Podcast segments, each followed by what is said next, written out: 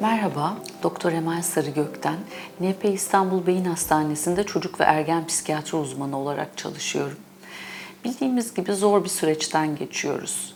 Yetişkinler olarak uzun süreler evde kalmak bizim için zor olmasına rağmen uzmanlar bunu tavsiye ettiği için uyuyoruz. Peki bize bu kadar zor gelen bir durumda çocuklar bununla nasıl başa çıkacak? Öncelikle söylemek istediğim, ebeveynler olarak biz bu süreci ne kadar kontrollü bir şekilde geçirirsek çocuklarımız da o kadar rahat eder. Bu nedenle öncelikli olarak hem kendimizin hem de çocuklarımızın günlük rutinlerini olabildiğince sürdürebilmek çok önemlidir. Günlük rutin derken neyi kastediyorum? Akşam benzer saatte yatmak, sabah yine aynı saatte kalkmak, gün içerisindeki yemek saatlerinin belirgin olması.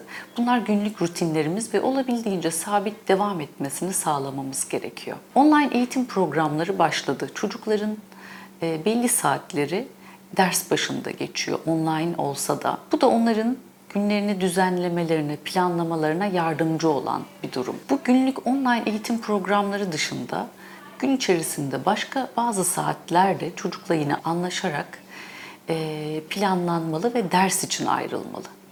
Ödev yapmak, test çözmek, tekrar etmek, kitap okumak gibi aktiviteler bu saatlerde yapılmalı. Ama bu dönemde çocuklardan gün içerisinde sürekli ders çalışmasını beklememek gerekiyor.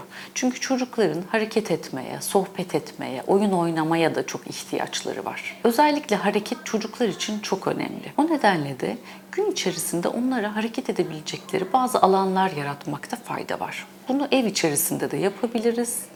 Eğer sahipsek bahçede de hijyen kurallarına uyarak oynamalarını sağlayabiliriz. Çocuklar oyun oynamayı çok severler. Bu nedenle günün yine belli saatlerini hem onların kendi aralarında ya da yalnız oynamalarına belli saatlerini de birlikte bir takım oyunları oynamaya ayırmalıyız. Onun keyif alacağı, eğleneceği oyunlarla e, günümüzün belli saatlerini meşgul tutabiliriz.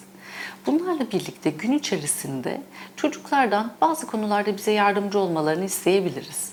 Mesela bir yemek yaparken bize yardım etmesi gibi, masayı toplarken ya da evin temizliği sırasında ona da küçük bir görev verebiliriz. Bu süreci bu şekilde aktivitelerle geçirmekte fayda var. Böylece ilerleyen dönemde hatırlayacağımız olumlu birçok anımız olabilir bu dönemle ilgili. Sevgiyle kalın.